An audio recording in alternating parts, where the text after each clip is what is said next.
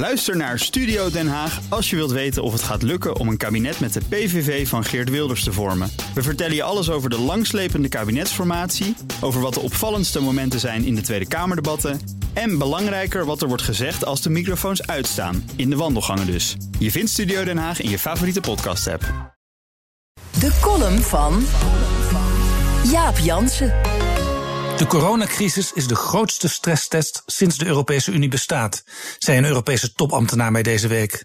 De vorige test, de financiële crisis die overging in de eurocrisis, duurde zes jaar. Corona kwam snel en onverhoeds en iedere burger heeft er meteen zelf last van. De Europese media puilen uit van verwijten aan Nederland. Weerzinwekkend, kinderlijk en gevoelloos, noemde de Portugese premier de harde afstandelijkheid van Wopke Hoekstra, die geen coronabonds wil en het bestaande noodfonds pas onder harde voorwaarden wil activeren. We varen op een ijsschots af en Nederland zeurt over eerste en tweede klas kaartjes, zei een Spaanse minister. Go fuck yourself, klonk het dan ook toen Carola Schouten om hulp vroeg voor de getroffen bloemensector. In de eurocrisis zag je Griekse protestborden met Angela Merkel afgebeeld als Hitler. Nu zijn Rutte en Hoekstra kop van Jut. Het verschil met toen is dat nu ook intern alle vrevel meteen op tafel wordt gelegd. Misschien moeten we eerst hier doorheen voordat iedereen weer bij zinnen komt, verzucht een diplomaat aan de telefoon.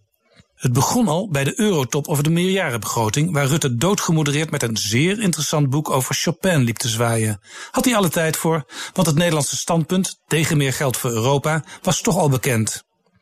Toen het vorige donderdag op de top over de coronacrisis ging, werd het lijstje vooraf bedachte conclusies steeds korter. De sfeer was ijzig. Tot voor kort konden ze de Britten nog de schuld geven als het in Europa stroef verliep. Nu kijkt iedereen naar de Nederlanders. I am Dutch, so I can be blunt, zei minister van Financiën Jan Kees de Jager in de Griekse crisis. Voor de collega's was dit oude gedrag weer helemaal terug. De Duitsers zijn in hun standpunt minstens zo hard, vertelde iemand uit de binnenste cirkel me, maar zij brengen het veel diplomatieker. Pas toch op, waarschuwde zelfs oud-bankpresident Nout Welling. Als Italië valt, valt de eurozone. Dat is ook het einde van het rijke noorden. Bij regeringspartijen D66 en ChristenUnie groeide de vrevel.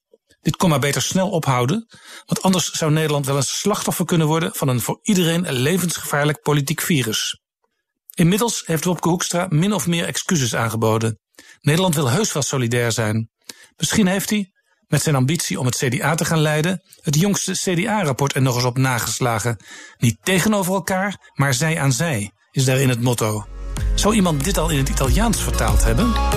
Columnist Jaap Jansen. Terugluisteren? Ga naar bnr.nl of de BNR-app. En daar vindt u ook alle podcasts. Ook Thomas van Zeil vind je in de BNR-app. Je kunt live naar mij luisteren in Zaken doen, de BNR-app met breaking news, het laatste zakelijke nieuws en je vindt er alle BNR-podcasts, bijvoorbeeld Het Nieuwe Geld. Download nu de gratis BNR-app en blijf scherp.